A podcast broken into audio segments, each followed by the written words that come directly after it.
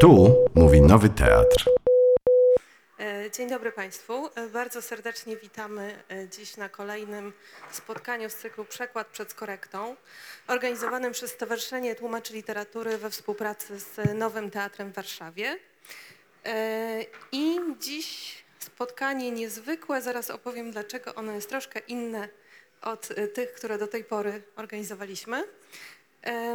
Moimi gośćmi będą tłumacze języka angielskiego Dominika Cieśla-Szymańska i Łukasz Witczak, a porozmawiamy o dwóch książkach.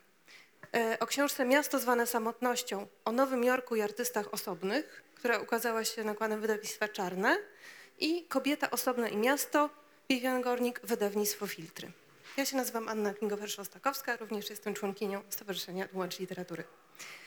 E, I zacznijmy od tego, dlaczego to spotkanie jest troszkę inne, odbiega od konwencji przekładu przed korektą.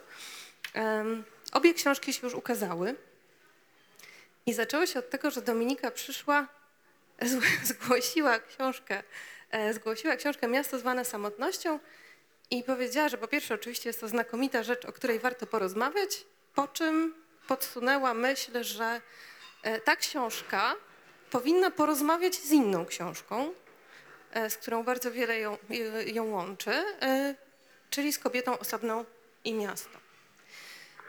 Zacznijmy w takim razie od tego, skąd pomysł na dzisiejsze spotkanie, ponieważ gdy czytałam recenzje, zapowiedzi tych książek, to padały oczywiście takie słowa jak samotność, miasto, Nowy Jork. To, to jest takie, takie hasła, które pojawiają się wszędzie, gdzieś w tle sztuka.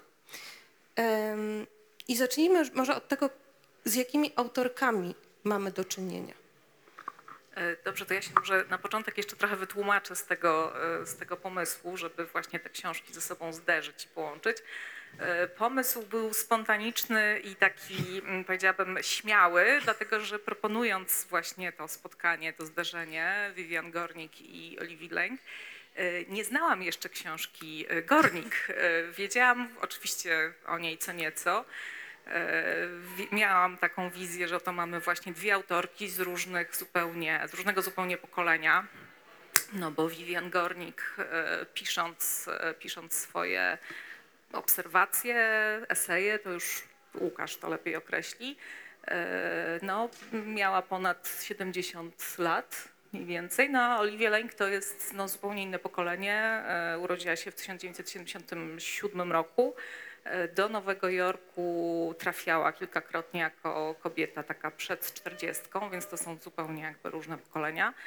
E, No ale właśnie tak, obie wędrują po Nowym Jorku, obie myślę, że że się identyfikują jako, jako feministki, obie są żywo zainteresowane no nie tylko takim fizycznym miastem, ale też, też taką intelektualną czy mentalną mapą e, Nowego Jorku i obie go obserwują. U obu pojawia się y, wyraźnie, chociaż bardzo różnie, właśnie wątek alienacji, wyobcowania, y, osobności. No więc pomyślałam sobie, że coś ciekawego na pewno, że zaryzykujmy. No risk, no fun, na pewno coś ciekawego z tego, y, z tego spotkania wyniknie. Ja jestem ogromnie wdzięczna Dominice za ten pomysł, ponieważ im głębiej wczytywałam się e, w różne e, teksty wokół tych książek, tym bardziej przekonywały mnie, że te książki musiały się spotkać. Zapytam Was teraz, e, ponieważ wrócę jeszcze do autorek i do tej różnicy, natomiast okej, punktem wyjścia jest Nowy Jork, Mm, ale jaki charakter mają te teksty? Dlatego, że tekst em, Gornik jest autobiograficzny, prawda, w dużej mierze. Ona pisała to przez 20 lat, gdzieś zbierała jakieś notatki, po czym przed osiemdziesiątką e, postanowiła wyjść z tym do, do świata E, i pisze, o, rozumiem, o sobie, ze swojej perspektywy indywidualnej. Obserwuje ten świat, ale filtruje go przez siebie głównie, tak, przez swoją tutaj Y,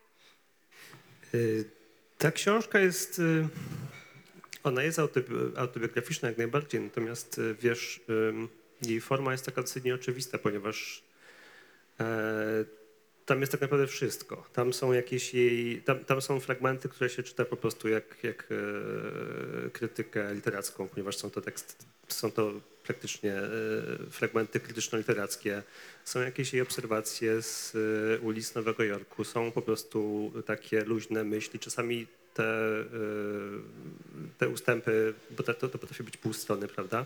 Albo nawet jeszcze mniej. I w jakimś sensie formalnie te książki są podobne, tylko powiedziałbym, że, że Kobieta osobna i miasto jest jeszcze bardziej taka. Mm, ta forma jest taka amorficzna i jednak wydaje mi się, że Lęk. Ona też tam skacze, prawda? Raz mówi o sobie, raz mówi o, o, o artystach, którzy ją interesują, ale to ma formę takiego wywodu, który dokądś zmierza. I te, te postacie się przewijają, ona wraca do nich, e, przekłada to jakimiś własnymi przemyśleniami. Tam się zmienia, to, zmienia się, zmieniają się tematy, ale to wszystko jest takie e, e, bardziej uporządkowane, wydaje mi się, że, a, a, a Kobieta Sodna i Miasto jest już takim naprawdę patchworkiem, e, nie wiem, e, po prostu takim, takim trochę lapidarium różnych rzeczy, które ona, nie wiem jak to wyglądało, czy ona to rzeczywiście Mhm. zbierała przez lata, czy, czy, czy, czy po prostu to, co jej zapadło w pamięć jakoś zostało z nią, czy ona to później przelała na papier.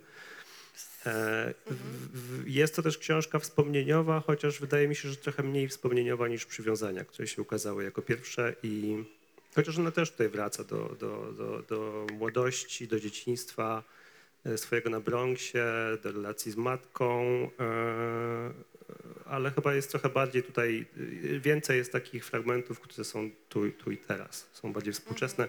Ta książka też się ukazała w 2015 roku bodaj, czyli, czyli e, e, kilkadziesiąt lat po, po przywiązaniach.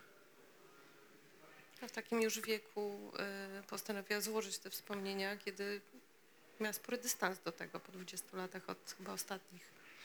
Mm, zap- Zapisków. Zapewne. Nie wiem, nie wiem Mhm. czy, czy, czy to już jest właśnie ta, ta książka, którą chciała napisać i, i, zostawić, czy, czy, czy jeszcze może. Ja potrafię sobie wyobrazić, że ona to jeszcze jakoś domknie i, i mogłaby napisać kolejną taką książkę. Spokojnie, myślę, że miałaby ma- materiał do tego. Te książki nie są, nie są e, grube prawda? I, I myślę, że takiego materiału właśnie, jakie, jakie, z jakiego ona korzysta tutaj w tej książce, to myślę, że ona ma jeszcze sporo. No z jakiegoś powodu Mhm. właśnie e, to jest jakaś esencja chyba, którą Mhm. Mm, jakoś ta, tak, nie wiem, musiała to jakoś wy- wydestylować, pewnie e, skomponować, ponieważ te książki wydaje mi się, że e, powiedziałem, że są takie trochę, może to było trochę, trochę e, krzywdzące to, że powiedziałem, że one są amorficzne, ponieważ mm, Nie wiem, czy amorficzne, są bardziej okruchy, które jednak Dygresyjne, Nie, no. tak, Dy- Są dygresyjne, tak, zwłaszcza przywiązania wydaje mi się, że są świetnie skomponowane, Mhm. a y, y, ta książka jest może troszkę bardziej taka, jeszcze bardziej fragmentaryczna, ale, mm, ale też widać, że ma początek, widać, że się kończy tak, y, że jest y, jakoś, jest, jest w tym jakiś zamysł, no więc y, tak, wydaje mi się, że o, tak, obie są dygresyjne, obie są takie trochę eseistyczne. Godnik chyba jest, jeżeli chodzi o formę, taka troszkę bardziej nonszalancka. To znaczy czasem Mhm. sobie myśli, a mam tu taką jedną myśl, prawda? Podzielę Myślę, że to jest ciekawe. Podzielę się ze światem, prawda? E, wydaje mi się, że książka Lang jest, y, może to, Lang jest bardziej zdyscyplinowana i, i, i ma wyraźnie Ale jakiś też taki inna, cel i inna temat. perspektywa, bo u ciebie twoja autorka mierzy się jednak z artystami, opowiada o nich i mniej jest chyba jej samej. Znaczy u Lęk rzeczywiście, a jeszcze, jeszcze tylko nawiążę do Gornik, znaczy czytając Gornik miałam taką, takie poczucie, mam 70 lat, wszystko przeżyłam, wszystko przeczytałam i już nic nie muszę, naprawdę będę sobie pisać o tym, co mi akurat po prostu w duszy gra, co mnie zainteresowało, co mnie zaintrygowało, po prostu. Chcecie wydawać, wydawajcie cudownie. Y, U Lęk rzeczywiście jest jednak ta taka no, większa samodyscyplina i taka, taka no, poczucie, no nie, no ja jednak powinnam stworzyć jakiś w miarę spójny wywód, poprzeć źródłami, tam jest bardzo bogata bibliografia, e, także to jest jakby zupełnie, znaczy inny, inny jakby warsztat tutaj widać, inną taką, taką dyscyplinę. I jeśli chodzi o ten wymiar autobiograficzny, to ym, u Lęk ta y, autobiograficzność tworzy taką ramę kompozycyjną, tak? bo ona wplata, ona własne doświadczenie samotności, takie szczególne, bo to jest samotność po stracie, po, po nagłym po prostu rozstaniu, po, po zerwaniu relacji takiej romantycznej y, i doświadczenie bycia no, samotnym czy kimś obcym w mieście, którego nie zna, bo ona jest Brytyjką i, i trafia do Nowego Jorku, w którym nie ma jakichś bliskich relacji, czy zawodowych, czy, czy, czy przyjacielskich. Więc ona to swoje doświadczenie samotności wykorzystuje po prostu, żeby, yy, no żeby właśnie przejść do tego, co ją interesuje, do, do, do, do, do analizy postaci i twórczości różnych artystów, u których ta samotność w jakiś sposób, znaczy którzy te, te, te, to, to doświadczenie samotności indywidualnej, zbiorowej, prywatnej, takiej systemowej przetwarzali na różne sposoby.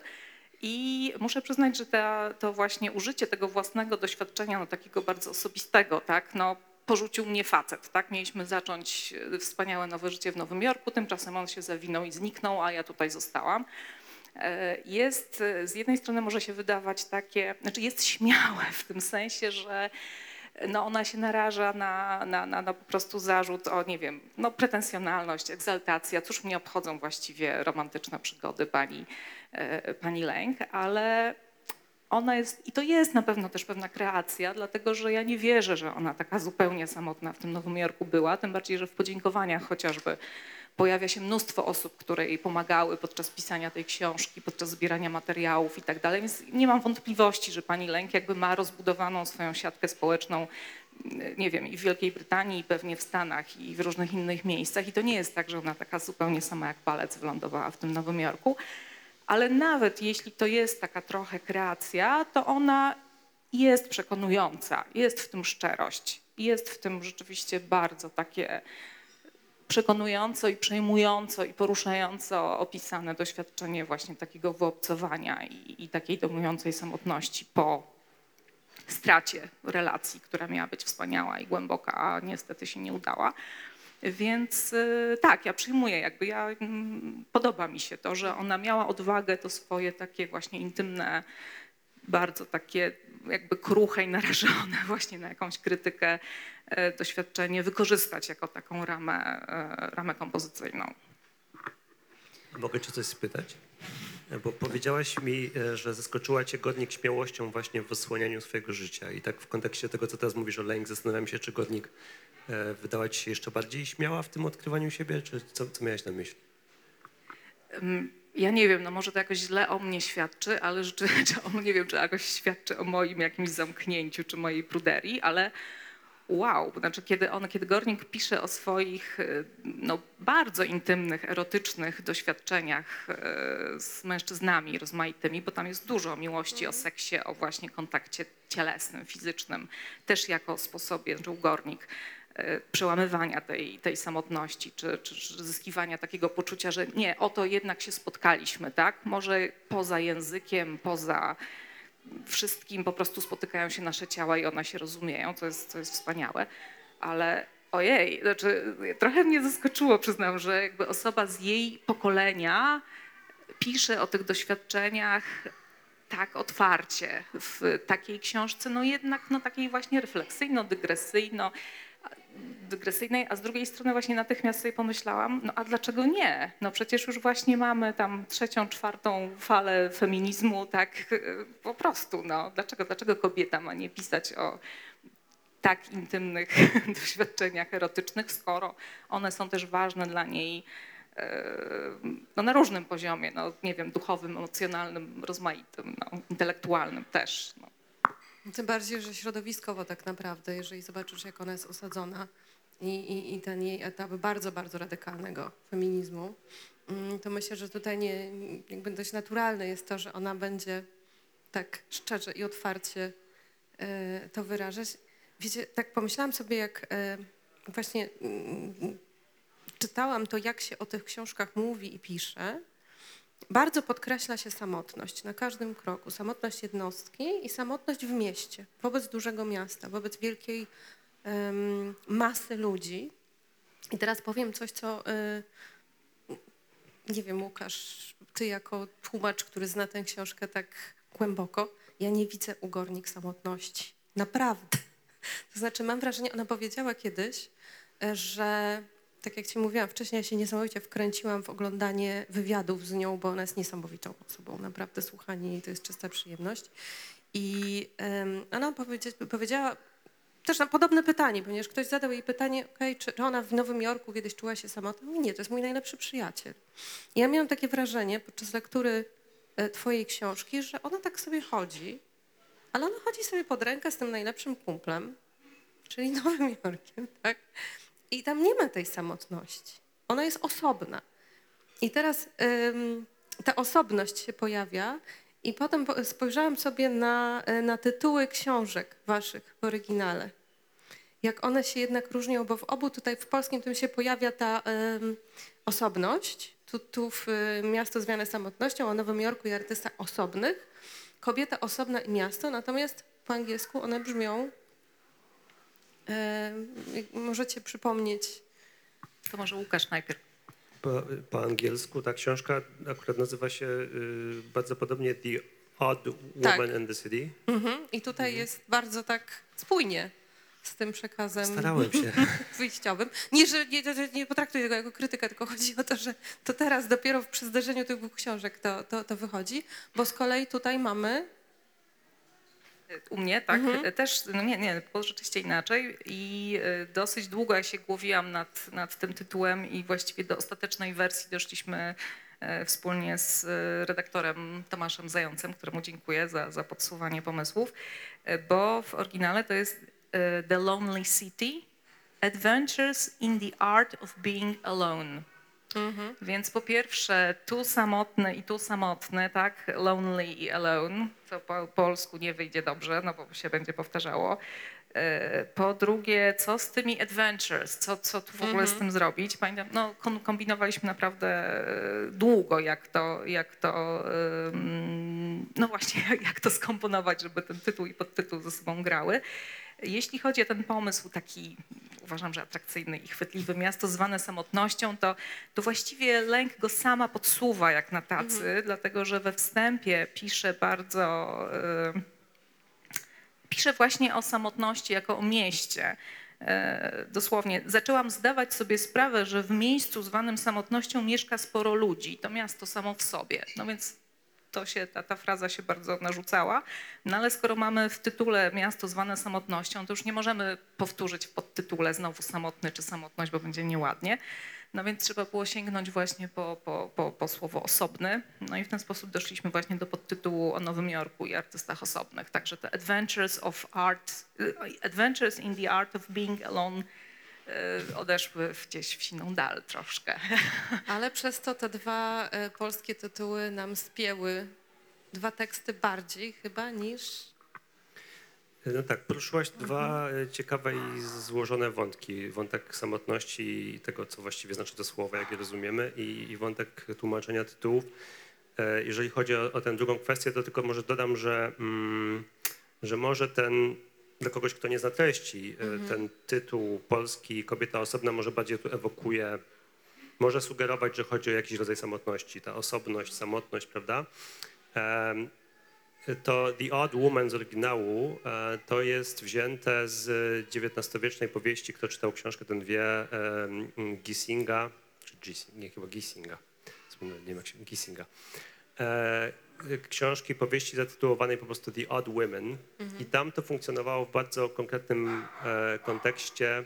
Chodziło o kobiety, które, bo odd e, w, w języku angielskim oznacza, że ktoś jest y, trochę inny, dziwny, ale odd to też jest y, nieparzysty, nie do, nie, nie do pary, prawda? A tam konkretnie chodziło o to, że e, niektóre kobiety po prostu e, nie były mężatkami i to w tamtej epoce samo w sobie już było czymś tak mm, właśnie, że aż e, tak, tak rażącym, prawda, że to je jakoś z- wyróżniało je z, z, z, całej grupy kobiet, prawda? E, I a jednocześnie Godnik bierze, bierze to pojęcie i jakoś je sobie oswaja i, i napełnia e, nową treścią, tak? Mm, No i trzeba było to jakoś oddać, tak jeden do jednego się nie dało, ponieważ nie mamy takiego słowa. Mm, Natomiast pomyślałem, że ta osobność właśnie jest takim słowem w języku polskim, który które ma, mm, jest takie dwoiste właśnie. E, Sugeruje e, jakiś rodzaj od, od os, osobności, stania z boku, ale też e, właśnie artysta osobny to jest, to, może to być komplementem, prawda? Jest to, jest to takie niejednoznaczne, niejednoznaczne słowo, które można, można mu nadać jak najbardziej pozytywny wydźwięk i, i Gornik to robi, więc, e, no więc tyle w kwestii, w kwestii tytułu. No. Tę decyzję podjąłem już zresztą w, tłumacząc przywiązanie, ponieważ tam mm, już tam się pojawia wzmianka o, o, ona używa tego pojęcia po raz pierwszy i ja wtedy, może mając już w perspektywie to, że może gdzieś kiedy, że ta długa książka się kiedyś ukaże, też, też, też myśląc pod tym kątem stwierdziłem, że, że, że kobieta osobna będzie, że to zagra. Mm, Wydawczyniom się to bardzo spodobało, więc miałem, miałem od razu takie poczucie, że, że, mm, że to chyba nie tylko mnie się wydaje ok. Mm. E, natomiast y, y, y, pierwsza część Twojego pytania też była ciekawa, ponieważ y, zapytałaś o, o, o tę samotność i, i o to, czy Vivian Golding rzeczywiście, rzeczywiście jest samotna. I wydaje mi się, że to mm, dotykasz tu czegoś ważnego, ponieważ na takim podstawowym poziomie relacyjnym, w sensie posiadania relacji ze światem, z, z otoczeniem, e, ona, nie, ona nie jest samotna. To znaczy ona jest insiderką, e, Lęk jest outsiderką, Lęk jest w obcym mieście e, i ja nie wiem, tutaj Dominika twierdzi, że, że, że może to nie do końca tak wygląda, jak ona przedstawia. No ja, ja brałem to wszystko za, za dobrą monetę. Wyobraziłem sobie e, dziewczynę, kobietę, która przyjeżdża do tego miasta i, i rzeczywiście jest sama jak palec, bo tam miała z kimś mieszkać i ten ktoś pewnie by ją wprowadził w ten świat, ale jej nie wprowadził. Postanawia zostać e, z, z, jakiegoś powodu. E, Godnik całe swoje życie spędziła w Nowym Jorku. Jest e, osobą, e, która ma mnóstwo mm, znajomych, mnóstwo drzwi pootwieranych w tym świecie. E, Więc na tym poziomie takim podstawowym, e, je- jeżeli mówimy o tak rozumianej samotności, jako braku relacji, braku kontaktu z ludźmi i takiej nie- niezaspokojonej potrzebie kontaktu z ludźmi, to myślę, że Godnik tutaj w ogóle się nie kwalifikuje. E, Zdecydowanie. Nie wiem, może to jest też moment dobry, żeby, żeby przeczytać te takie po, podobne fragmenty, ale jednak bardzo różne, w których e, e, autorki opisują e, te okna e, nowojorskie, co? Może to, to, to, to, tylko jeszcze trochę o właśnie, bo tak jak mówiłeś o Gornik, to ja w niej wyczuwałam taką sprzeczność, dlatego że e, no, trafia się u niej na takie bardzo poruszające takie frazy typu nie wiem, piekło, samowy, piekło samowygnania, tak? albo o tych, swo, o tych swoich długich spacerach z przyjacielem Leonardem. Mówi, że jesteśmy samotnymi wędrowcami, którzy sobie nawzajem zdają sprawę jakby z tej swojej samotności. Tak? A jednocześnie rzeczywiście yy, mówi też o tym, że nie, nie, ja wśród, nigdzie nie jestem tak mało samotna jak na tłumnej ulicy, tak? jak, jak właśnie w tłumie na ulicy w mieście. Ja oddycham tym miastem, ja go słucham nieustannie. Tak, bo tutaj dotykasz, przechodzimy do tych innych wymiarów e, samotności, o których e, chciałem powiedzieć i, i musimy prędzej, później, prędzej czy później do tego przejść. To znaczy, na razie mówimy właśnie o samotności takiej towarzyskiej, z braku lepszego słowa społecznej, samotności takiej re- relacyjnej, prawda? O takiej niezaspokojonej potrzebie kontaktu z ludźmi. Człowiek jest istotą, która potrzebuje tego kontaktu, więc jeżeli go nie ma, to można powiedzieć, że jest samotna. Natomiast e, e, rzeczywiście Godnik też pisze o samotności mm, w innym jej aspekcie, o takiej samotności, e, która jest udziałem chyba wszystkich ludzi. To znaczy jest to e, e, takie uczucie bardziej egzystencjalne, związane z tym, że koniec końców zawsze będziemy sami w swoim doświadczeniu, że rodzimy się sami, żyjemy sami, umieramy sami, mamy przyjaciół, rozmawiamy sobie z nimi, wydaje nam się, że trochę się rozumiemy, prawda, ale, ale jednak w jakimś Jesteśmy sensie, odrębni. jak y, jest, taki wiersz Barańczaka, który ja bardzo lubię, w którym jest ten fragment, y, mm, y, czy to jest właśnie to, czegoś się spodziewał, czy rodząc się mogłeś wiedzieć, że tylko w jedno się e, wracasz w życie, tak? Nie wiem, czy nie, nie, nie, przekręcam, że cała reszta czek, czeka cię obca i żywa. I w tym sensie jakby zawsze będziemy samotni, bo, bo po prostu nigdy nie będziemy e, ja zawsze będę sobą, nigdy nie będę Dominiką, prawda, nie będę tobą. E, może, jeżeli mogę, to bo, bo to się nasuwa mi się fragment, w którym właśnie ona o tym mówi i to jest, to jest coś, co Dominika, właściwie Dominika właśnie to e, chyba przywołałaś. E, ja to może trochę obetnę już bez, bez tego kontekstu całego, ale mm, ona ma przyjaciela e, Lenarda, e, geja, z którym e, spotyka się regularnie i sobie tam tak e, zwierzają się sobie. To jest taka relacja, mm, znaczy oni są przyjaciółmi, natomiast jest to też specyfi- specyficzna relacja, ponieważ oni są oboje tak trochę wtedy tak się e, na, nastrajają się trochę negatywnie, to znaczy mają dużo żalu wobec świata i tak się wymieniają tym żalem, ale właśnie nie. E, łatwo jest to przedawkować, oni później sobie odpoczywają, a potem znowu się spotykają i, e, i znowu e, ten, ten cykl się zaczyna od nowa. E, ale tylko chciałem ten fragment przeczytać, gdzie, gdzie ona mówi tak. U zarania mojej przyjaźni z Lenardem przywołałam prawa miłości, miłości te dotycz- dotyczące wzajemnych oczekiwań. Stanowimy jedność, oznajmiłam wkrótce po naszym pierwszym spotkaniu. Ty jesteś mną, ja tobą, mamy obowiązek nawzajem się ratować. Dopiero po latach zdałam sobie sprawę, że tamta ocena była chybiona. Tak naprawdę jesteśmy parą samotnych wędrowców, którzy brną przez kraj własnego życia i od czasu do czasu spotykają się na granicy, aby wymienić sprawozdania. Więc tu mamy takie ujęcie, w którym samotność jest czymś, od czego w ogóle nie ma ucieczki. Nawet jak się ma przyjaciela najbliższego, to y, jest taki rodzaj samotności, od którego po prostu nie, nie, człowiek nie, nie ucieknie. Tak? Więc w tym sensie Vivian Gornick jak najbardziej jest samotna i, i pewnie ona uważa, że, że wszyscy są, są samotni. Nawiasem mówiąc, ona napisała w ogóle książkę, która się nazywa mm, e, Solitude of Self. E, I to jest taka trochę e, monografia poświęcona sufrażystce XIX-wiecznej e, Elizabeth, e, mm, może teraz mi wyleciało nazwisko. Kanton. Nie, chyba Nie? Sta- Stanton chyba. Stanton? Coś chyba, tak. I, I tam myślę, że więcej. Za, ja, ja czytałem tylko fragmenty tej książki, ale myślę, że tam jest więcej właśnie o samotności i, i ona opisuje taki proces, w którym ta Stanton doznaje takiego olśnienia, że samotność jest naturalnym stanem ludzkiej duszy. Właśnie nie, nie, nie, te, nie, nie te wszystkie więzi, że teoretycznie wszyscy mamy jakieś więzi i, i, e, i kontaktujemy się z innymi ludźmi, e, ale ona też chyba z powodu e, jakiegoś takiego e, zwrotu w swojej karierze takiej e, działaczki i jakiegoś wyo- wyobcowania w tym ruchu feministycznym, e, nawiasem mówiąc, nagle odkrywa, że, że jednak e, istotą ludzkiej kondycji jest właśnie bycie samotnym i e, co ciekawe, ona to potem jakoś tak upolitycznia w taki sposób, że ona twierdzi, że właśnie to jest powód, dla którego e, kobiety, mówimy teraz jesteśmy w XIX wieku, prawda, więc jakby inne cele, inne w ogóle, inne, inne horyzonty wtedy były. Trzeba było naj, naj, najbardziej podstawowe rzeczy walczyć. E, I ona, ona właśnie to wpisuje w walkę polityczną, która dla kobiet jest o tyle właśnie ważna, że kobiety potrzebują tych możliwości, żeby, mm, e, które mają mężczyźni, żeby też właśnie dlatego, że człowiek z natury jest narażony na samotność i kobiety nie mają tych wszystkich możliwości, które mają mężczyźni, są jeszcze bardziej narażone, narażone na samotność i nie mają sposobu na to, żeby się z niej e, wydobyć. Więc tak pomyślałem, że to też jest ciekawe, że ona w ogóle napisała całą książkę z, ze słowem, tam akurat to jest solitude, tak?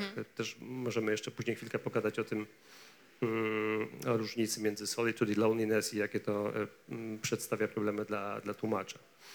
E, natomiast A nie masz poczucia, że, że w niej jest jednak naprawdę sporo sprzeczności?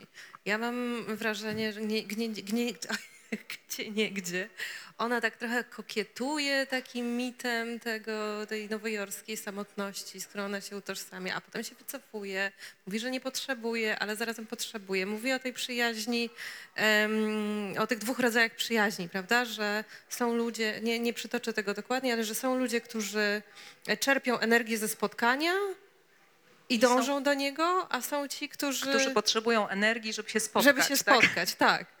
E, I tak mam wrażenie, że ona taka jest jednak trochę, ja, ja uwielbiam, natomiast niespójna w tych swoich No mnie się tam, ja tam zapamiętałam taki, taki fragment, ona przytacza zresztą dialog z jednym z mężczyzn, z którym się rozstała po, już nie pamiętam, może to z mężem chyba, jednym z jej mężów.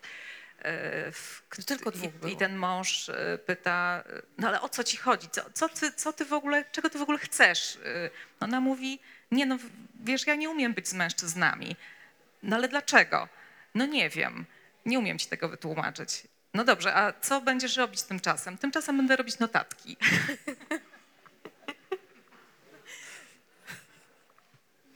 Ja nie uważam, żeby ona była jakaś bardzo niespójna. Myślę, że to można te, te, te, to, co może wy- wydawać się sprzecznością, właśnie można wytłumaczyć różnymi wymiarami tych pojęć, o których ona mówi. I samotność jest właśnie takim bardzo wielowymiarowym pojęciem, które można rozumieć na różne sposoby, bo e, możemy też mówić o e, jakby o, i, inna para kaloszy to jest taka samotność romantyczna. I tutaj to jest ciekawe.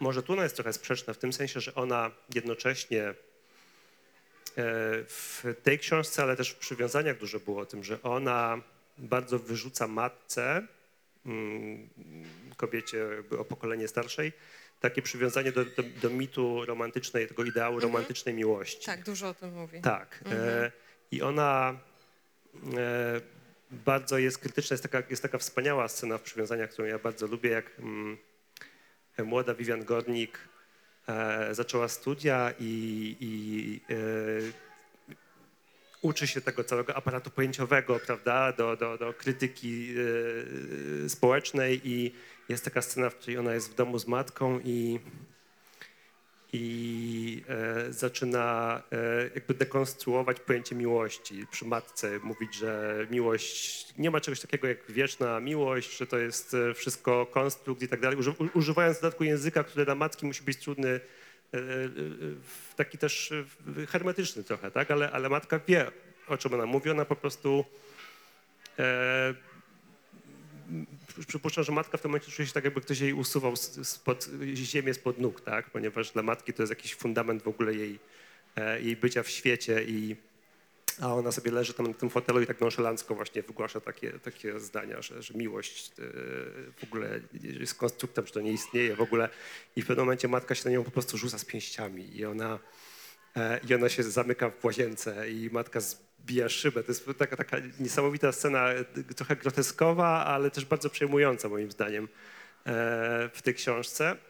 No właśnie, a, a z drugiej strony e, ona się przyznaje w tych książkach do tego, że, mm, że ona jednak nasiąkła tym ideałem w młodości, że jakoś e, wydaje mi się, że używa takich, e, że nie, czy nie używa metafory, że ją zainfekowano, ale że tam się pojawia taka, me, taka chyba metafora, że jej tak, tak wstrzyknięto jak kontrast, że to jest coś, co ona ma w swoim krwiobiegu i że nie jest w stanie się od tego uwolnić.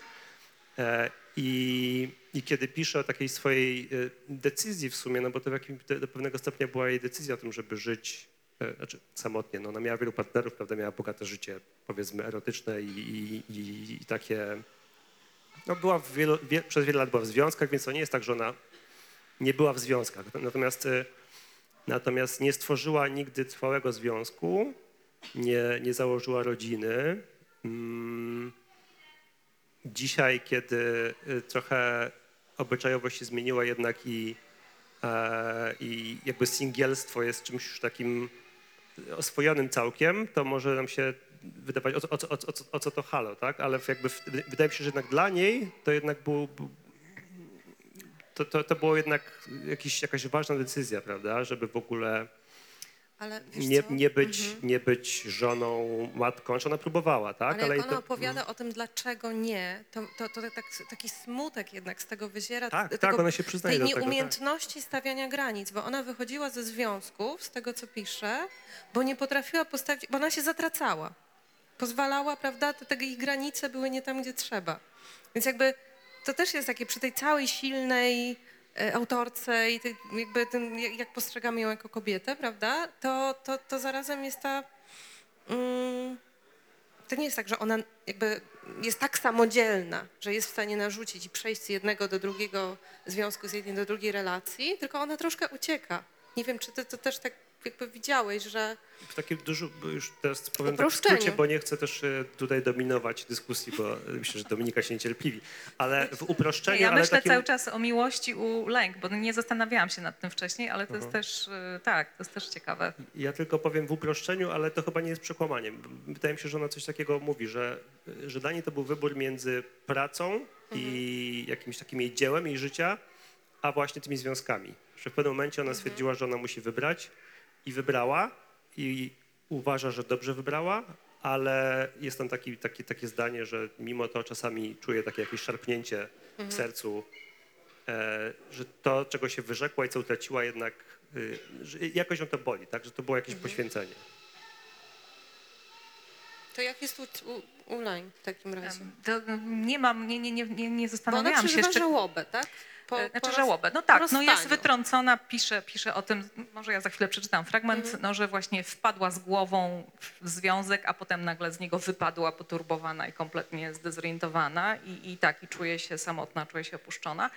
Yy, Ale teraz właśnie słuchając tego, co mówi Łukasz, też myślałam sobie o, o różnicy mm, pokoleniowej. To znaczy myślę sobie, że no lęk, no urodzona pod koniec lat 70., myślę, że znaczy jest krytyczką kultury, tak, z wykształcenia. Myślę, że jakby od razu była karmiona tą miłością zdekonstruowaną. W ogóle nie ma mowy o jakimś tam micie, znaczy z góry od razu. Miłość romantyczna jakby jest mitem i konstruktem.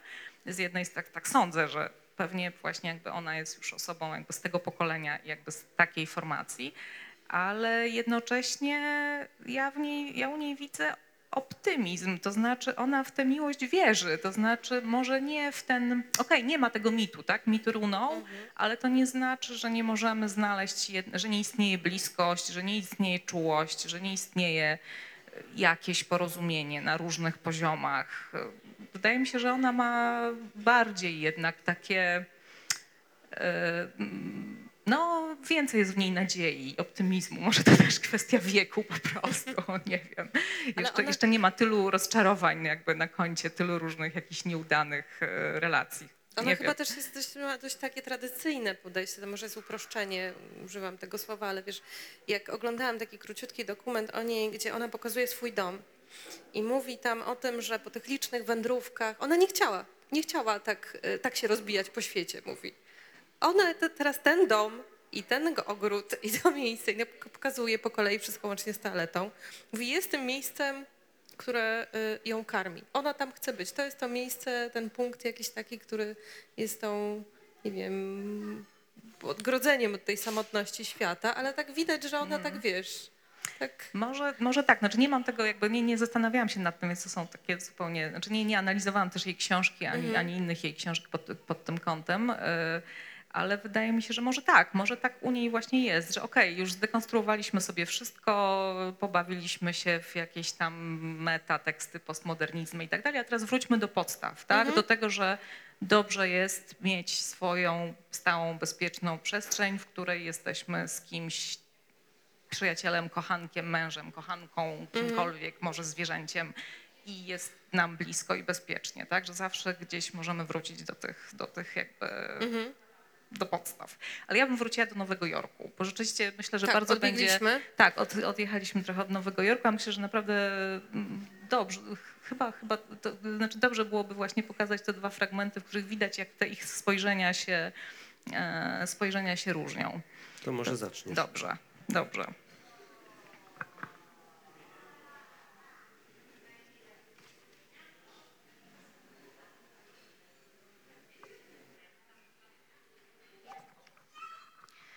Wyobraź sobie, że stoisz wieczorem przy oknie na szóstym, siódmym albo czterdziestym trzecim piętrze budynku.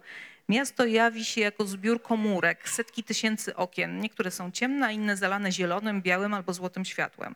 W środku poruszają się tam i z powrotem nieznani ci ludzie, zajęci swoją prywatnością. Widzisz ich, ale nie masz do nich dostępu. A to powszechne miejskie zjawisko dające się zaobserwować każdego wieczoru w każdej metropolii na świecie, u nawet najbardziej towarzyskich osób budzi dreszcz lęku przed samotnością, która w niepokojący sposób łączy izolację i obnażenie. Jak to jest czuć się samotnym? To jak być głodnym. Być głodnym, podczas gdy wszyscy wokół ciebie szykują się na ucztę. Czuje się wstyd i niepokój, a z czasem te uczucia zaczynają promieniować na zewnątrz, co sprawia, że osamotniony człowiek staje się coraz bardziej odizolowany, wyobcowany. To boli, tak jak bolesne mogą być uczucia, a poza tym powoduje skutki fizyczne, niewidoczne dla oczu zmiany dokonujące się w zamkniętych przestrzeniach ciała. Samotność rozrasta się, zimna jak lód i przejrzysta jak szkło. Ogarnia i pochłania. Miracolo d'amore. Znalazłam się w tym mieście, ponieważ się zakochałam. Wpadłam po uszy, a potem niespodziewanie wypadłam, rozbita i wytrącona z równowagi. Podczas fałszywego święta pożądania razem z tym mężczyzną ułożyliśmy obłąkany plan, zgodnie z którym miałam wyjechać z Anglii i zamieszkać z nim na stałe w Nowym Jorku. Kiedy zupełnie nagle zmienił zdanie i w kolejnych telefonach zaczął wyrażać coraz poważniejsze wątpliwości, okazało się, że jestem rozbitkiem, oszołomionym tym szybkim pojawieniem się i jeszcze, jeszcze szybszym zniknięciem wszystkiego, czego, jak sądziłam, mi brakowało. Mm, Z braku miłości desperacko uczepiłam się samego miasta, materii, w której wzorze rytmicznie powtarzały się salony wróżbitów i sklepiki spożywcze, łoskot i chrzęst ruchu ulicznego, żywe homary na rogu Ninth Avenue, para wydobywająca się spod ulic. Nie wiedziałam wówczas, że oto wkraczam do labiryntu, otoczonego murami miasta w obrębie wyspy Manhattan. Większość dni spędzałam w taki sam sposób. Wychodziłam na śniadanie i kawę, pałętałam się bez celu po pięknych, brukowanych ulicach albo szłam na bulwar, żeby gapić się na East River. Co dzień wyprawiałam się kawałek dalej, aż w końcu do, dotarłam do parku w Dumbo, gdzie w niedzielę widywało się portorykańskich nowożeńców, którzy przychodzili tam zrobić sobie zdjęcia. Przy pannach młodych w ogromnych jak torty sukniach kolorów limonki albo fuksji wszystko wyglądało na znużone i stateczne. Po drugiej stronie migotały wieżowce Manhattanu. Pracowałam, ale miałam stanowczo za mało zajęć, więc wieczory bywały trudne. Wracałam do swojego pokoju, siadałam na kanapie i obserwowałam, jak na zewnątrz, za oknami toczy się życie, po jednym oknie naraz. Bardzo nie chciałam być tam, gdzie byłam. Problem polegał po części na tym, że właściwie nie byłam nigdzie. Własne życie wydawało mi się nierealne i puste. Wstydziłam się, że jest takie marne, tak jak można by się wstydzić poplamionego czy przetartego ubrania czułam, że jeszcze trochę zupełnie zniknę, ale zarazem moje uczucia były gwałtowne i obezwładniające, aż często żałowałam, że nie mogę zgubić samej siebie, choćby na kilka miesięcy, dopóki emocje nie staną się mniej intensywne. Gdybym mogła ująć w słowa to, co czułam, brzmiałoby to jak skarga małego dziecka. Nie chcę być sama. Chcę, żeby mnie ktoś chciał. Jestem samotna, boję się, potrzebuję miłości. Chcę, żeby mnie ktoś dotykał, żeby mnie przytulił. Właśnie ten głód przerażał mnie najbardziej, tak jakbym podniosła klapę, a pod nią ziała otchłań, której nie da się niczym zapełnić. Bardzo mało jadłam, wypadały mi włosy, zauważyłam je potem na parkiecie, co tylko jeszcze mocniej wytrącało mnie z równowagi. Mm, jeszcze. Mm. Wiedziałam, jak wyglądam. Jak kobieta na obrazie Hoppera, może jak dziewczyna z obrazu bar bezobsługowy, w kapeluszu typu klosz i zielonym płaszczu, która wpatruje się w filiżankę kawy, gdy w oknie za jej plecami odbijają się dwa rzędy świateł odpływające w ciemność. Albo jak ta na obrazie poranne słońce, która siedzi na łóżku, włosy ma spięte w nieporządny koczek i spogląda na miasto za oknem. Jest ładny poranek, ściany oblewa światło, ale widać wielki smutek w jej oczach, linii szczęki, smukłych nadgarstkach obejmujących nogi. Często siedziałam właśnie tak, zagubiona wśród zmiętej pościeli, próbując nie czuć, próbując tylko brać kolejne oddechy. Mm, jeszcze o hopperze. Co takiego jest w hopperze? Raz na jakiś czas pojawia się artysta, który wyraża pewne doświadczenie, niekoniecznie świadomie czy celowo, ale z taką przenikliwością i intensywnością, że związek wydaje się niezaprzeczalny. Samemu Hopperowi nigdy nie podobała się myśl, że jego obrazy można interpretować w określony sposób, czy też, że samotność to jego specjalność, jego główny temat. To przesada z tą całą samotnością, powiedział swojemu przyjacielowi Brianowi O'Doherty'emu w jednym z bardzo nielicznych długich wywiadów, na które się zgodził. A gdy w filmie dokumentalnym O'Doherty pyta, czy twoje obrazy odzwierciedlają izolację we współczesnym życiu? Hopper milczy przez chwilę, po czym mówi krótko, może to prawda, a może nie. Później zapytany o to, co go pociąga w jego ulubionych mrocznych scenach, rzuca niejasno. Chyba tylko ja. Okej. U mnie ten fragment jest krótszy, ale wydaje mi się, że ten kontrast będzie uderzający. To jest y, osobny ustęp w tekście, taki właśnie jeden z takich y, mm, odrębnych, odrębnych im- impresji mm, autorki. Co wieczór, gdy przed pójściem spać gaszą światło w moim salonie na trzynastym piętrze, doznaję przyjemnego wstrząsu na widok wznoszących się ku niebu rzędów rozświetlonych okien. Otoczona przez nie czuję się tak, jakby obejmowała mnie gromada bezimiennych mieszkańców miasta. To mrowie ludzkich siedzib zawieszonych tak jak moja w przestrzeni, to ukłon Nowego Jorku w stronę ponadjednostkowej więzi. Ukojenie płynące z tej przyjemności jest nie do opisania. E, więc e, te, te, te, ten sam obrazek, prawda? Te okna i zupełnie inna reakcja. Wydaje mi się, że jest to zrozumiałe, biorąc pod uwagę moment życiowy, e, w jakim to pisała e, Lang, swój fragment, chociaż to akurat już z perspektywy czasu, ale wracała do tego. Mm, No i spojrzenie Gornik, która, która czuje się, że, że jest u siebie, wśród swoich ludzi i nawet jeżeli to są ludzie, których nie zna osobiście, to ma jakieś takie poczucie głębokie takiej wspólnoty, tak? To jest, to jest, y, to jest ciekawe. E, Ale może od razu przeczytam inny krótki fragment, w którym ona z kolei przyznaje się do samotności swoistej. Żeby to właśnie jeszcze bardziej zniuansować. E, Ona pisze tak. Zwyczaj samotności wchodzi w krew. Lenard mówi mi, że jeśli nie przekuję tej samotności w coś dobrego, na zawsze pozostanę córką swojej matki. Oczywiście ma rację. Samotni jesteśmy z braku wyidealizowa- wyidealizowanego towarzysza, lecz w dobrej samotności obecna jestem ja. Sama dotrzymuję sobie towarzystwa, ożywiam ciszę, wypełniam pokój dowodami własnego istnienia i czucia. Tej perspektywy nauczył mnie Edmund Goss w swoich niezwykłych wspomnieniach zatytułowanych Father and Son.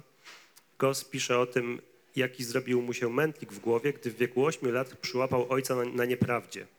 Skoro papa nie wie wszystkiego, zastanawia się dziecko, to co wie i jak należy traktować to, co mówi? Skąd człowiek ma wiedzieć, w co wierzyć, a w co nie? W trakcie tych rozważań mały Goss nagle zdaje sobie sprawę, że rozmawia sam ze sobą. Spośród wszystkich myśli, które w czasie tamtego kryzysu przemknęły przez mój dziki, niewykształcony mózg, pisze Goss, najciekawsza była taka oto, że znalazłem w sobie towarzysza i powiernika. Istniała na tym świecie tajemnica, która należała do, do mnie i do kogoś, kto żył ze mną w jednym ciele. Było nas dwóch, mogliśmy ze sobą rozmawiać. Odkrycie bratniej duszy we własnej piersi było dla mnie wielkim pocieszeniem. Więc e, tutaj e, okazuje się, że Godnik jest samotna e, w jakiś sposób. Swoją drogą tu jest też cie- cie- ciekawe, mm, ciekawy jest ten problem tłumaczenia mm, słowa e, solitude chyba. Ja nawet swego czasu, Dominika, nie wiem, czy pamiętasz, że się napisałem do ciebie z pytaniem, wiedząc, że tłumaczysz, czy już przetłumaczyłaś tę książkę, jak sobie radziłaś z tym rozróżnieniem na solitude i loneliness? Bo po, e, e, czy tak mi się wydaje, tak? Że, że, czy, czy, czy, to jakoś systemowo rozwiązywałaś? Ponieważ e, w języku polskim mamy słowo samotność, które jest takie niedookreślone i może być takim smutnym uczuciem, prawda, czy smutnym stanem, a może być po prostu stwierdzeniem, może, może być bardziej obiektywne, bardziej subiektywne w zależ- w zależ- w zależności od kontekstu, prawda. E, e, I pamiętam, że w tym fragmencie właśnie mm, mm, miałem problem, co z tym zrobić, ponieważ tam chyba było słowo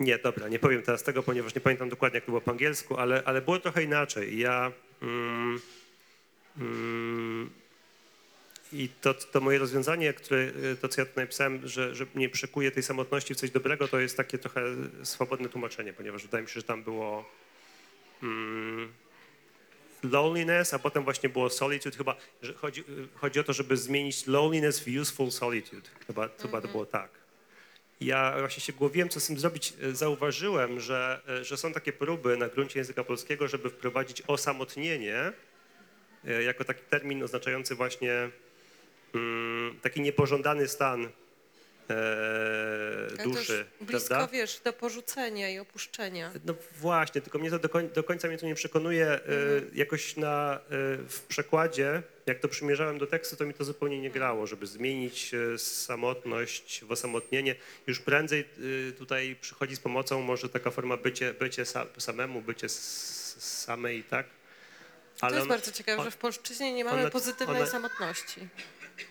No powiedzmy, No że solitude... jakąś os- osobność, czy właśnie odosobnienie, takie Ale to- celowe. tak. Ale no. to, też, to też jest Też nie. e, niejednoznaczne. Solitude nie ma jednoznacznie pozytywnych konotacji, ale, ale jest takie bardziej neutralne, wydaje mi się. I, i, mm, no i tutaj jeszcze później mamy dobrą samotność, czyli chyba useful solitude tłumaczyłem jako dobrą samotność, y, właśnie poradziwszy się ciebie nawet chyba. Może nawet to był twój pomysł. E, Będzie tak. na ciebie. E, No i tu, tutaj jest y, samotność, y, właśnie ona mówi o braku wyde- wyidealizowanego towarzysza, czyli, czyli tutaj y, nawiązuje do samotności takiej romantycznej. E, Ale później też ciekawe, ciekawe, ciekawe remedium podsuwa na poczucie samotności i to jest to, żeby znaleźć w sobie właśnie e, powiernika i towarzysza, tak? I, i w rozmowie ze sobą. I tutaj z kolei wydaje mi się, że, że też trochę mm, jeszcze z kolei e, odnosi się do takiej samotności rozumianej jeszcze bardziej ogólnie, takiej głębszej samotności właśnie e, człowieka. Już nawet nie, niekoniecznie braku partnera romantycznego, ale po prostu mm, właśnie kogoś, kto by nam mógł towarzyszyć przez cały czas i być świadkiem naszych, naszych myśli, naszych wszystkich stanów i, i móc je zrozumieć jak, jak nikt inny. Tak? No to ja miałam ułatwione przez autorkę y, zadanie, znaczy jeśli chodzi właśnie o, o to wyjaśnienie tej różnicy między angielskim a, a polskim, bo rzeczywiście, znaczy bo ona we wstępie i potem w pierwszym rozdziale właśnie pisze o, przywołuje nawet definicje słownikowe, no angielskie, tak, więc, więc ja przywołuję też polską. E, Według słownika samotny, lonely, to nieszczęśliwy wskutek braku towarzystwa innych, tak? Po polsku nie ma tej konotacji, nie ma, znaczy jakby w tej słownikowej definicji nie ma, nie ma tego elementu tego właśnie nieszczęścia czy smutku, bo no, w uniwersalnym słowniku języka polskiego to jest po prostu samotny, żyjący w samotności, w odosobnieniu, nie mający rodziny, towarzystwa, tak? ale nie wprost jakiś cierpiący czy smutny z tego powodu. Potem jeszcze lęk się, y, się zastanawia, znaczy przywołuje różnicę między, ojej, miałam i zgubiłam. Jeszcze po angielsku jest al- Alone aloneness, i lone. prawda? Aloneness chyba też. E, I tu znowu, słownik ten beznamiętny arbiter definiuje angielskie słowo lonely jako negatywne uczucie wywołane izolacją, przy czym właśnie komponent emocjonalny odróżnia je od słów lone, alone czy solo. E, Czyli właśnie sam, po prostu sam, osobny, w odosobnieniu, oddalony od innych. E, Przygnębiony z powodu braku towarzystwa, odczuwający smutek na myśl o tym, że jest sam, doznający poczucia osamotnienia. No i właśnie po polsku do pewnego stopnia mamy to rozróżnienie w, w tej różnicy sam, no bo sam po prostu i samotny, tak? Ale, ale to nasze samotny właśnie nie ma, nie ma wyraźnie tego, znaczy kon, kon, jakby konotacje jakieś kulturowe czy literackie oczywiście są, ale tak jest to na pewno słabsze chyba niż po angielsku. Stąd pewnie też moje zdziwienie w takim fragmencie, już teraz tego nie znajdę, kiedy ona przywołuje słowa Virginia Woolf, która właśnie mówi o samotności. E, I y, autorka i właśnie Lęk wyraża takie zdziwienie, że, znaczy bo y, Wolf mówi o samotności jako o takim doświadczeniu, które, co, co tam jest, że no właśnie, że w takim, takim doświadczeniu takiego oddalenia, oddzielenia od ludzi, od świata, rzeczywistość zaczyna śpiewać, tak? Czyli, że samotność może dać nam jakiś inny ogląd rzeczywistości, tak? Jakieś, Wyostrzyć. Tak, wyostrzyć spojrzenie. I, I autorka i Lęk pisze, no, że to, to jest ciekawa myśl, że właśnie samotność nam może dać coś takiego. Na co ja pamiętam, jak to, to tłumaczam, jak, jak to ciekawa myśl, przepraszam, to jakby od wieków, no nie wiem, filozofowie, nie wiem, myśli różnej, teologicznej, rozmaitej, no jakby zyski z samotności w sensie takiego świadomego odosobnienia, czy, czy oddalenia od ludzi, tak, w celu skupienia, medytacji, pogłębienia jakiegoś, nie wiem, rozwoju duchowego, jakby, to jakby są oczywiste, tak, jest ogromna literatura na ten temat, ale potem sobie pomyślałam, że nie, że ona, ona ma na myśli właśnie właśnie to, że, że w tej samotności, która jest cierpieniem, można znaleźć coś pozytywnego, tak? I znaczy właśnie coś wartościowego, coś kreatywnego.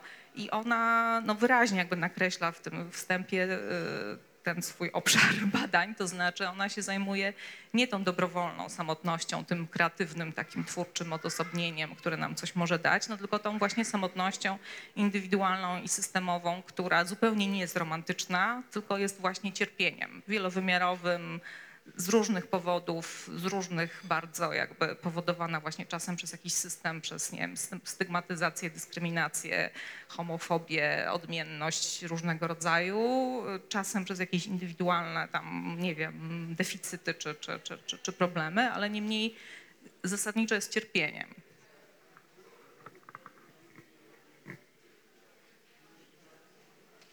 Łukasz się No zamyślił. i też chyba su- sugeruje, że no, właśnie to cierpienie staje się źródłem wartościowej sztuki, tak? W wielu przypadkach. To, to, to, to trochę też tak o tym chyba jest ta książka. Wiesz co, to jest, to jest coś, co ym, jakoś mnie zafrapowało, ponieważ obie autorki no, oczywiście mm, próbują wejrzeć we własne cierpienie związane z samotnością. Może Gornik nie do końca cierpienie, ale jednak we własną samotność. Natomiast jak y, nie przeczytałam całej twojej książki, ale zastanawiałam się nad tym, na ile wiarygodne jest wejrzenie w cudze, cudzą samotność. Bo ona pisze o tych artystach rozmaitych, ale tak naprawdę, wiesz, czy, czy, czy możemy w ogóle... Znaczy, ja, wiem, że odważamy się co jakiś czas to zrobić.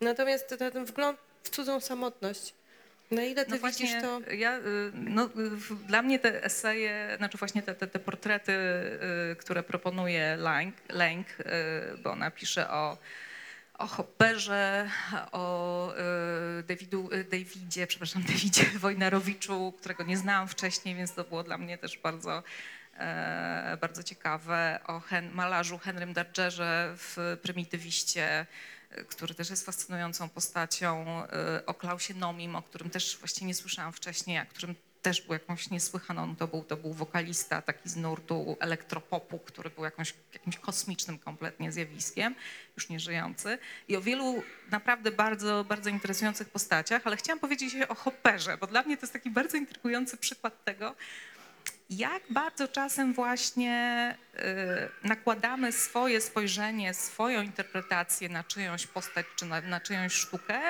mimo że sam artysta nie zgadza się z tymi interpretacjami, a w każdym razie się przed nimi broni. Już tutaj przeczytałam ten, ten, ten fragment o tym, że e, Hopper, e, Hopper pytany właśnie, czy jest tym takim, jak to jest, że on jest właśnie tym, tym malarzem miejskiej samotności, odpowiadał, no nie, bez przesady, właściwie to nie, nie, nie jestem. Ale jak to? No wszyscy pamiętamy obrazy Hoppera, tak? Słynny obraz Nocne Marki, w którym na, mamy właśnie taką mroczną, raczej przygnębiającą atmosferę, bar w nocy, w którym siedzą ludzie, trójka, ale właściwie nie patrzą na siebie, nie rozmawiają ze sobą. To jest bardzo charakterystyczne u, na obrazach Hoppera, także mamy samotne postacie, które nie patrzą, jeżeli, a jeżeli są właśnie jakieś dwójki czy trójki, to oni ze sobą nie rozmawiają, właśnie nie patrzą na siebie, nie, nie ma między nimi kontaktu. Mamy okna, ale nie możemy zajrzeć za te okna, tak? Ten, to, to miasto niby jest otwarte, ale tak naprawdę jest zamknięte, tak? Niby jest dostęp, mamy te witryny, te właśnie te, te, te różne budynki, za którymi jest, znaczy okna, za którymi jest jakieś światło, jakieś wnętrze, ale nie możemy się tam dostać, tak? Także mamy poczucie właśnie izolacji, alienacji i tak dalej, i tak. Och, tak Hopper malował właśnie samotność Nowego Jorku. Otóż, zwłaszcza po obejrzeniu filmu biograficznego o Hopperze, który teraz jest w kinach, bardzo polecam, i właśnie po wczytaniu się w te jego słowa, które, które tutaj przywołuje lęk, która też jakby nie do końca go rozumie, bo właśnie sama, sama sobie zadaje pytanie, kim trzeba być, co trzeba mieć w głowie, jakby co trzeba mieć w emocjach, żeby, żeby właśnie się właściwie przez całe życie malować na jeden temat, takiej właśnie alienacji osobności, pustki, chłodu, braku kontaktu. Co, jakby, dlaczego Hoppera tak to fascynowało? No więc kiedy oglądałam ten film, e, nasunęła mi się taka, taka interpretacja, która nie jest, jakby zupełnie to nie jest moja wyłącznie prywatna, bo potem się przekonałam, że są takie tezy, są takie hipotezy, chociaż one się nie pojawiają ani w tym filmie, ani w, ani w książce tutaj Uleg, która się powołuje z kolei na biografię Hoppera, mm, tam autorstwa Gail Levin. Więc y, mnie się nasunęła taka hipoteza, że no, Hopper prawdopodobnie y, cierpiał na syndrom Aspergera. Y, Wtedy zupełnie jakby nieznany, nieopisany, nie, nie było po prostu jeszcze wtedy takiej teorii w ogóle ani autyzmu, ani, ani, ani syndromu Aspergera. I mam taką śmiałą tezę, że Hopper nie tyle malował samotność wielkomiejską, ile, to znaczy, że to jest tak, że jego w gruncie rzeczy życie miejskie i relacje między ludźmi w ogóle go nie interesowały. E, Są takie fakty z jego życia, które i on malował, on był bardziej zainteresowany, znaczy jakby miastem jako zbiorem brył, geometrią, grą światła w tych e, bryłach. Owszem, atmosferą, ale, ale bardziej, chyba bardziej go interesowała właśnie jakby konstrukcja taka, taka jakby plam koloru, właśnie taka czysto malarska. E, Ludzie mu są potrzebni tam bardziej jako element tej kompozycji. Mm, e, e, mm, No nie wiem, takie fakty z jego życia, na przykład to, że jako młody człowiek pojechał do Paryża, tak, który wtedy był ośrodkiem absolutnie, no, no sztuki wszyscy tam byli, z nikim się nie zaprzyjaźnił, nikogo nie poznał, nie poznał Picassa, nie poznał Gertrudy Stein, chodził po tym Paryżu, malował domy, malował budynki, malował grę świateł na tych budynkach. Tego Paryża w ogóle nie ma. Albo to, że przez lata mieszkał przy Washington Square w Nowym Jorku ze swoją żoną Joe, Joe Nivison. I jak mówi jedna tam z krytyczek właśnie w tym film, filmie biograficznym, przez te lata, kiedy Hopper mieszkał przy tym Washington Square, przez ten plac po prostu przewalała się cała historia XX wieku. Demonstracje, koncerty, masa ludzi, kolejne mody, subkultury. Niczego z tego na obrazach Hoppera nie ma. W ogóle go to nie interesowało. Także ja mam taką tezę, że on pewnie w jakiś sposób odczuwał swoją alienację, czy swoją osobność, czy właśnie swoją inność, raczej nie cierpiał z jej powodu. Po prostu relacje mu nie były potrzebne. Miał żonę, miał jedną silną relację, co jest też jakby charakterystyczne. I to mu wystarczało. Ona była jego modelką, ona była jego agentką, menedżerką. To wystarczało. Więcej ludzi mu nie było w ogóle potrzebnych. Lubił a jednocześnie jakiegoś jednak, znaczy do czegoś mu byli potrzebni, bo jednak jeździł, krążył nocami po Nowym Jorku i obserwował właśnie te oświetlone okna. Więc może on jakoś przeczuwał tę swoją, czuł jakoś tę swoją dziwność, to, to, to swoje oddzielenie i przelewał je, przelewał je, znaczy pokazy, przetwarzał je i pokazywał je w swoich obrazach, ale ludzie i życie Nowego Jorku generalnie go nie interesowali po prostu. Ale to jest moja śmiała teza, muszę jeszcze poczytać na ten temat. W każdym razie też y, zwróciło moją uwagę, nie wiem czy, czy, czy Państwo pamiętają, jest taki jego obraz też bardzo znany, y, automat, czyli bar automatyczny. Były takie bary bezobsługowe, w których po prostu były jakieś takiego rodzaju automaty, gdzie można było sobie kupić kawę, czy kanapkę, czy jakieś proste danie, ale jednocześnie usiąść w środku, tak? Znaczy był to bar ze stolikami w środku, I, I w pewnym momencie w Nowym Jorku takie bary były popularne, chyba też Patti Smith o, o takich pisze. No i mamy właśnie taki obraz, w którym samotna dziewczyna, na którym samotna dziewczyna siedzi przy stoliku i wiemy właśnie z podpisu, że to jest bar samoobsługowy, znaczy bar bezobsługowy. I jedni to interpretują, no tak, tak, samotna kobieta, za nią mroczne okno, no właśnie, w, jakie to smutne, że ona tam sama siedzi. Inni uważają, nie, wspaniale, singielka, nowoczesna, właśnie nowoczesna kobieta w nowoczesnym mieście, robi co chce, proszę bardzo, może sobie zjeść kanapkę sama, czy tam wypić kawę w Nowym Jorku, więc widać też po tym, jak dużo my nakładamy swojego, swoich emocji, swoich potrzeb, swoich deficytów, swojej wiedzy właśnie na, e, na ten ogląd jakby i miasta, i tych, tych, tych obrazów. Także to jest wszystko bardzo skomplikowane czasem z tą samotnością, bardzo jednoznaczne. To, co powiedziałaś o tym nakładaniu e, różnych e, filtrów własnych na, na tym razem, e, przypomniało mi, jak się strasznie Gornik zrzymała na środowisko akademickie i na to, jak, jak odczytują akademicy właśnie jej teksty. I mówiła to tak bardzo wprost. Wia- w wywiadach. w wywiadach, tak, że Tak, oni najpierw sobie nabudują, nabudują, nic tam nie ma z tego, co próbowałam przekazać, ale najpierw sobie wymyślą jakąś interpretację, a potem muszą mój tekst do tego przykroić. I, i, i to właśnie to ich akademickie reading into jest jej jakimś tutaj... Chociaż ona w ogóle jest taka. Ja może nie oglądałem pasjami wywiadów z nią, ale widziałem jeden czy dwa. I powiem szczerze, że ja nie chciałbym być w skórze dziennikarza, dziennikarki, którzy zadają jej pytania, ponieważ ona, jeżeli coś jej się nie spodoba, coś jej się wyda takie, no, nie, nie wiem, nie za mądre, mm, po prostu jakieś, że jej zdaniem ktoś czegoś nie zrozumiał, to ona prosto z mostu. jest potrafi bardzo konkretna, Tak, ale znaczy jest konkretna, ale w takim sensie, że można się poczuć jakby jest to taki jakiś Mhm. rodzaj konwencji, w którą może niektórzy wejdą, inni, inni może, y, no nie wiem, no wyobrażam sobie, że to może być trudne dla dziennikarza. E, Zresztą chyba wydaje mi się, że bo jakaś polska dziennikarka ostatnio z nią robiła wywiad i, i w jakimś podcaście w radiu się zwierzała jakiejś swojej koleżance, że strasznie się stresowała tym wywiadem. Myślę, że nieprzypadkowo właśnie. Są pewnie tacy em, pisarze, pisarki, którzy bardziej onieśmielają i, i Gornik chyba taka jest, bo pamiętam właśnie jakiś na YouTubie był jakiś wywiad, ktoś jej zadał pytanie z sali, jakieś takie, po prostu zadał, zadał coś pytanie i ona, ona po prostu spojrzała na niego i powiedziała, ale co w ogóle, o- o czym pan mówi w ogóle? Więc y, nie wiem, do czego teraz konkretnie nawiązujesz z, akurat z tymi akademikami, ale, ale potrafię sobie wyobrazić, że ona mm, jest taka, znaczy właśnie nie defensywna, to jest Nie, po, ofensywny. pomijając to, że nie ma takiego słowa w języku, polskim, prawda, defensywny, a szkoda. Wiesz co, nawiązywałam do tego, co mówiła Dominika, jak narzucamy nasze własne interpretacje, a ona akurat y, tutaj zrzymała się na e, interpretację, czy też nadinterpretację dotyczące jej własnych tekstów.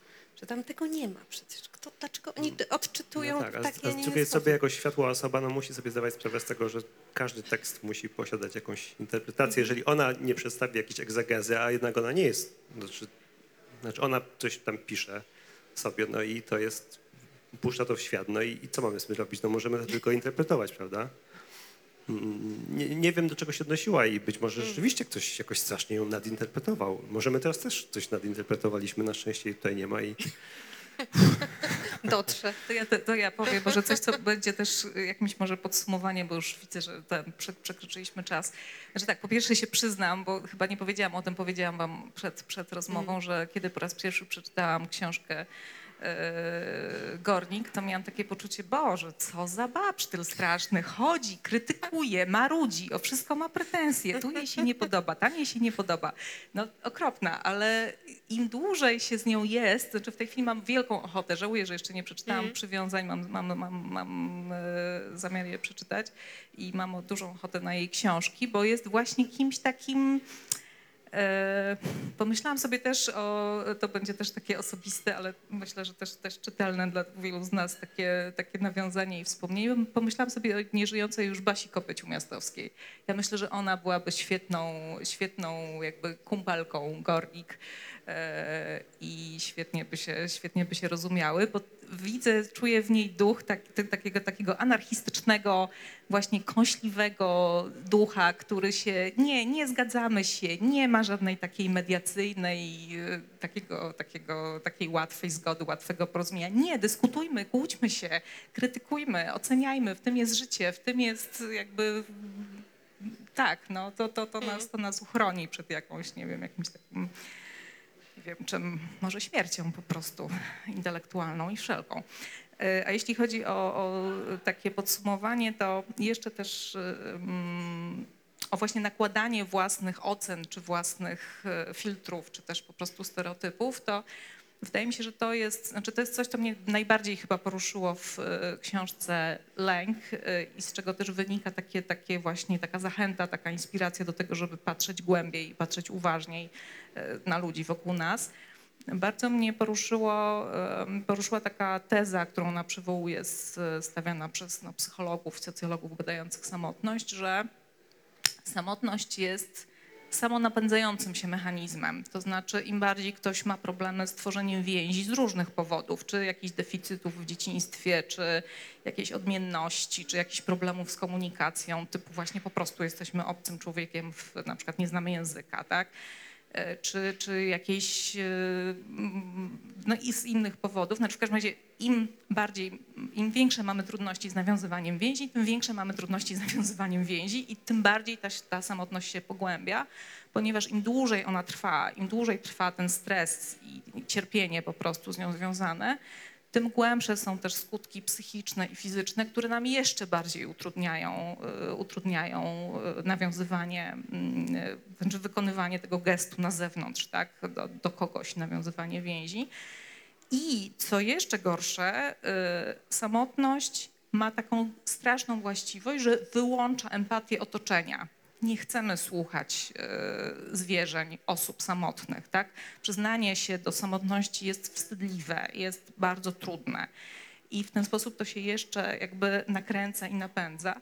I wydaje mi się, że ogromną wartością książki Lęk jest to, że ona właśnie pokazuje bardzo różne jakby korelaty i przyczyny tej, tej samotności na przykładzie tych bardzo różnych, bardzo różnych postaci.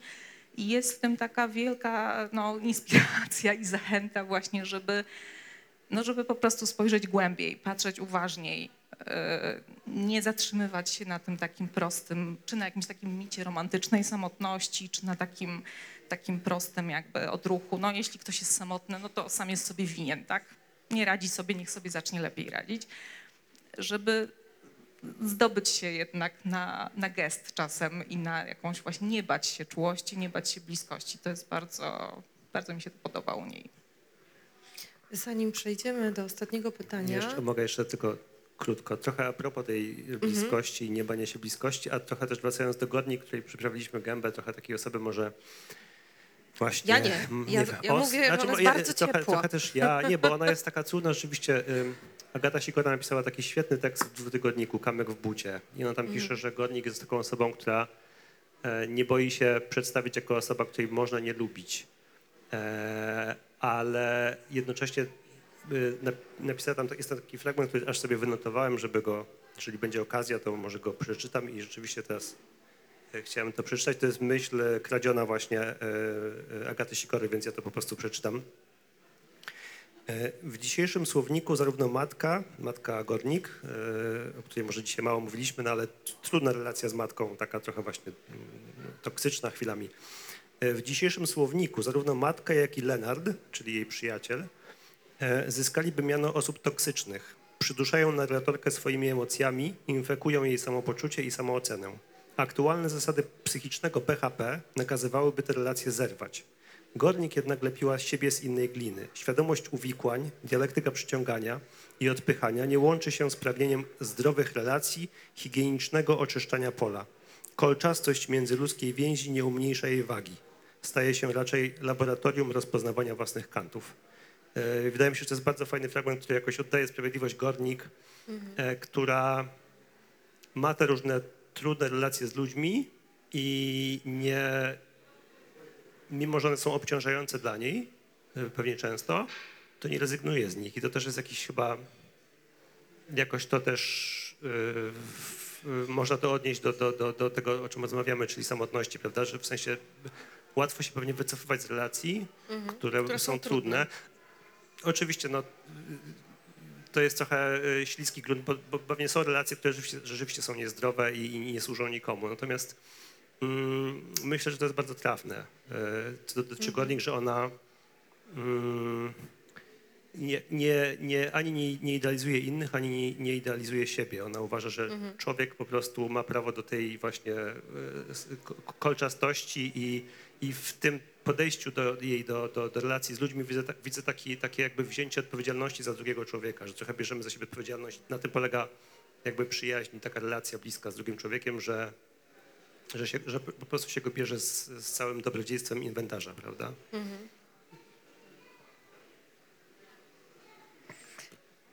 Zachęcam Może do pytania? pytań. Czy mają Państwo pytania do naszych gości?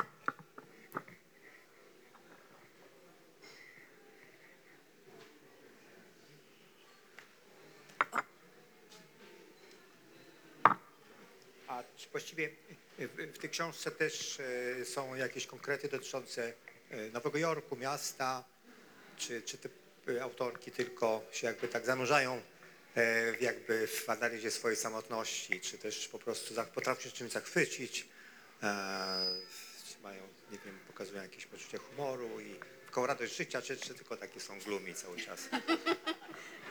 Nie, to może, nie wiem, może, nie, taki powstał obraz, ale nie, to absolutnie nie jest jakaś, znaczy książka Lęk absolutnie nie jest ponurą, e, ponurą książką. Mnóstwo jest w niej no, fascynacji, zachwytów, no ona też jest, jest, znaczy ten Nowy Jork jest oczywiście właśnie czym innym dla niej niż dla, dla Gornik, ale mnóstwo tu jest Ale bardzo... przed, przedstawia środowisko pisarzy, jakichś redakcji, Mm. artystów. To znaczy ona przedstawia, to są kolejne portrety y, Tak. różnych artystów, właśnie między innymi Hoppera, Klausa Nomiego, Davida Wojnarowicza, y, Henry'ego Dargera, no i to są takie najdłuższe jakby Brainarda fragmenty. może? Proszę? Może Joe Brainarda? Nie, akurat ten się nie pojawia.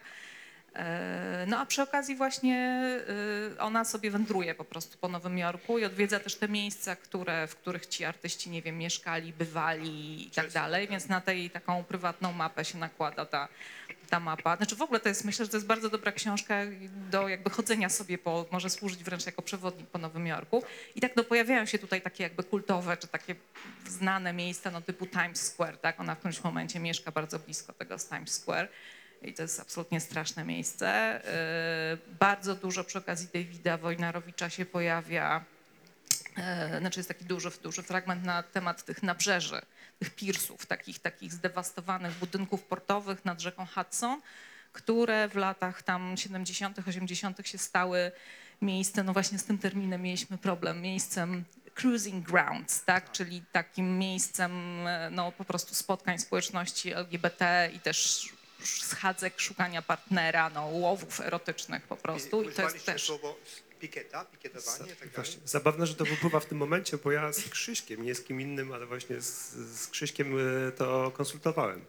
Ale wydaje mi się, że ty świetnie wybrnęłaś, to znaczy w tych miejscach, gdzie... Wydaje mi się, że używasz dwóch różnych określeń w dwóch różnych miejscach, ale to pasuje idealnie, bo, bo, y, bo w jednym miejscu chyba y, użyłaś y, słowa tereny łowieckie i to jest bardzo fajne, takie kreatywne, ale takie malownicze. No tak, bo to, to, to cruising grounds no to ma w sobie właśnie takie wędrowanie, krążenie w poszukiwaniu kontaktu Czy partnera. słowo Na- e, pikieta było używane? No ja wiem, ja nie używam, ja nie wpadłam na to słowo i też jako, no nie, po prostu nie, nie przyszło mi do głowy, nie znalazłam odpowiednio wcześnie tego słowa, już jak książka była w druku, to, to na to wpadłam. Ja w innym przekładzie jeszcze nieopublikowanym użyłem tego słowa, ale wydaje mi się, że ono wymaga pewnego obudowania. Gdyby ono tak padło po prostu e, w tej książce, to ono mogłoby być niezro- niezrozumiałe. Tak. Bo, bo ono tak w przelocie pada i, i myślę, że po prostu byłoby, byłoby niejasne. Tak, słowo pikieta to ciekawe, że y, w slangu gejowskim to od lat w, Po- w Polsce funkcjonuje, ale na przykład e, wśród studentów, dwudziestolatków, to y, jeżeli ktoś nie jest gejem, to, to nie wie o co chodzi. I, i nawet i, to słowo nawet jest mało znane jako pikieta w sensie takiego stacjonarnego strajku, prawda? No, pikieta chodzi o to, że to słowo pochodzi stąd, że coś jest wbite w ziemię, pik, prawda, i jest jakiś napis protestacyjny, a, a jeśli chodzi o e, gejowskie znaczenie, to po prostu, że ludzie stali, albo tak... Ale jeszcze kiedyś prosto- pikiety to były takie jakby mm, w znaczeniu wojskowym, prawda? Pikiety, czyli No e, takie jak, e, synonim. mm, no, stra, straż taka, Tak, tak. prawda? albo krążyli. Jeszcze jedna ostatnia rzecz. W ogóle te słowa są bardzo mylące. Znaczy w angielsku te słowa mogą być mylące, bo na przykład nazwy toalet parkowych, które były często właśnie takimi miejscami, to na przykład jest tea room, prawda? Tea room, czyli herbaciarnia a, i tak dalej. Także, że e, No. na polski nie można tak po prostu No jak potem się zastanawiałam nad tym słowem pikieta, kiedy już na nie trafiłam, bo nie w czasie, to wydaje mi się, że ono nie byłoby najlepsze w odniesieniu do tych pirsów, bo to był ogromny obszar. To był ogromny obszar nabrzeży, gigantyczne budynki portowe, wielkie hale. To nie był, e, przepraszam, szalet w parku, tak? Jakby konkretne w sensie, czy jakaś kawiarnia, czy tam coś w tym rodzaju. Jakby nie mały, konkretny punkt, tylko to był wielki teren, w którym się właśnie działy te, nie wiem, spotkania, ale też różne, nie wiem, jakieś akcje kulturalne, malowanie murali, prze, przeróżne rzeczy. E, Jeszcze tylko powiem, że, że Godnik dużo pisze o mieście e, w tej książce i też dużo w przywiązaniach. E, Bardzo dużo pisze o Bronxie, takiej krainie swojego dzieciństwa i wczesnej młodości. No i potem o Manhattanie jako takiej ziemi obiecanej, takim the place to be, tam zapuszczała się tam coraz częściej w, z, z, biegiem lat. Tak. Pytanie, czy, czy byliście w Nowym Jorku? Ja e, byłem jeden dzień, przez jeden dzień w 2003 roku, więc e, myślę, że e, miałem wszelkie kompetencje, żeby tłumaczyć książkę o Nowym Jorku. prawda? Już wtedy robiłem research, nie, wie, nie wiedząc o tym, ale, ale tak. Nie, ja wyłącznie palcem po Google Maps jestem bardzo wdzięczna jakby dostępnym obecnie narzędziom, to, że można sobie te ulice zobaczyć, tak, że można sobie posprawdzać różne topograficzne tam detale, ale nie, nie, nie byłam nigdy w Nowym Jorku. Słuchajcie, bardzo, bardzo Wam dziękuję za to spotkanie. Bardzo dziękuję Państwu za e, przybycie, towarzyszenie nam w tym. E, zapraszam też, e, nie, nie uciekajcie, zapraszamy jeszcze na jakiś drobniutki poczęstunek, będzie można porozmawiać i dopytać naszych gości o różne rzeczy już poza spotkaniem. Także jeszcze raz wielkie dzięki. Dzięki. Dziękuję.